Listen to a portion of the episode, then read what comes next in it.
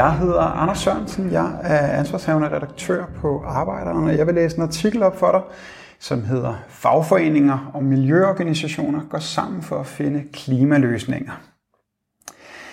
Klimakamp er ikke kun for strækkende skoleelever og demonstrerende gymnasieteenagere. Hundredvis af voksne fagligt aktive er også gået ind i klimakampen og er aktive for at rejse debatten om den grønne omstilling i fagforeninger og på arbejdspladser. Allerede i starten af maj sidste år stiftede en række fagforeninger sammen med miljøbevægelser som Greenpeace og NOAA Klimaalliancen Broen til fremtiden. Netværket er enige om at række øh, netværket er enige om en række fælles mål et CO2-neutralt Danmark baseret på 100% vedvarende energi senest i 2040. Stop for nye tilladelser til olie- og gas efterforskning, og så skal den grønne omstilling være socialt ansvarlig og retfærdig. De massive forandringer, vi står overfor, må ikke øge uligheden, fastslår broen til fremtiden. Fagbevægelsen må på banen og komme med vores vision om den grønne omstilling, medmindre vi vil overlade det til dansk industri og dansk erhverv at bestemme, hvordan den grønne omstilling skal se ud. Den grønne omstilling kommer til at betyde en omfattende omstilling af vores hverdag og arbejdsliv. Vi ved, hvor vi skal hen. Spørgsmålet er, hvordan, siger sekretariatsleder af Broen til Fremtiden, Hans Henrik Samuelsen til Arbejderen. Han uddyber, den grønne omstilling berører alle. Derfor bør den omfattende grønne omstilling også vedrøre alle. I virkeligheden er den grønne omstilling et demokratisk projekt, og det kræver oplysning. Vi vil forsøge at få klimadebatten ud i kantinerne på arbejdspladserne. Vi er i gang med at udarbejde et lille katalog med oplægsholdere. Hvis vi vil inddrage almindelige mennesker i klimadebatten, så skal de være oplyste. Det vil vi gerne bidrage med.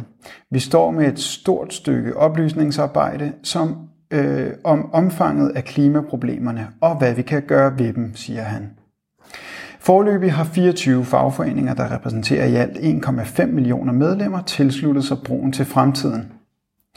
Det er altså rigtig mange borgere, som vi potentielt set kan nå ud til og have en klimadebat med. Det forpligter, siger Hans Henrik Samuelsen.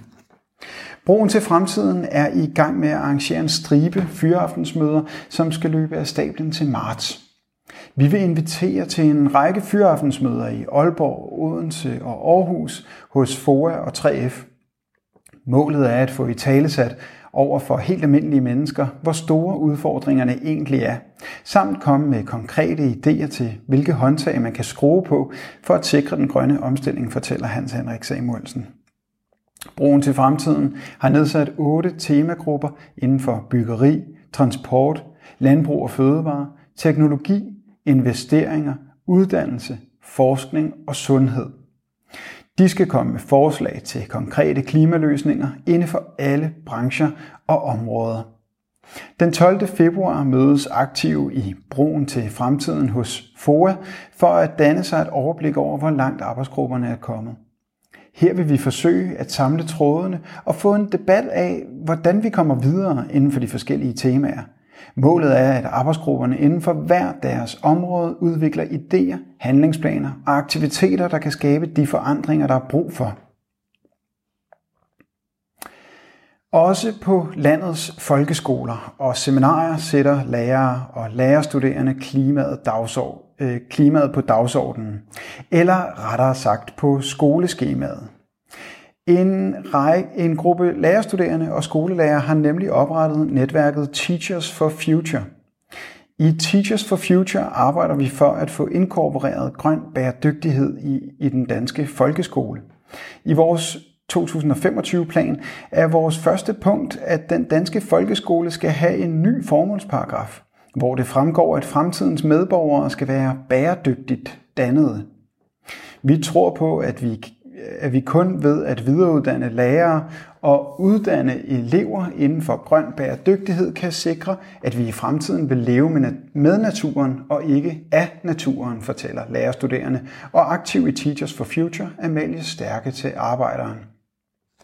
Teachers for Future har netop oprettet en undervisningsportal, hvor lærerstuderende og lærere kan dele undervisningsmaterialer om klimaet.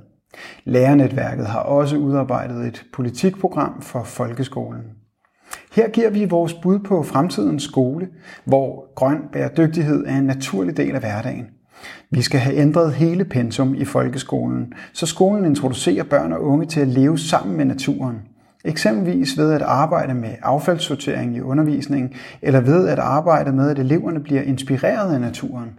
Eksempelvis ved at lade dem mærke og føle naturen og skrive om det. Et af vores krav er, at alle kommuner stiller, stiller skolehaver til rådighed for de lokale skoler. I dag er mange børn og unge afsondret fra naturen. Skolehaver er et godt sted, hvor de kan se, hvad naturen er og hvad naturen kan. Vi skal gøre naturen konkret, uddyber Amalie Stærke. Fredag formiddag er Læger for Klimaet med til at arrangere en demonstration foran Sundheds- og Ældreministeriet.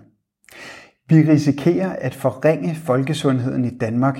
Flere infektionssygdomme som følge af oversvømmelser, flere dødsfald grundet varme, flere lungesygdomme og dårligere ernæring.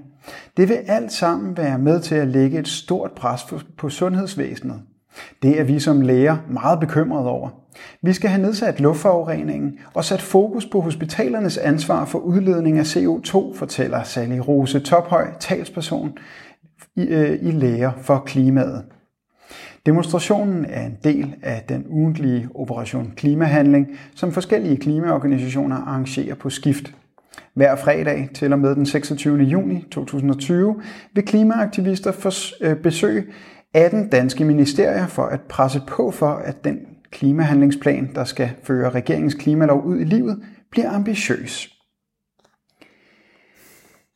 Det var artiklen Fagforeninger og miljøorganisationer går sammen for at finde klimaløsninger.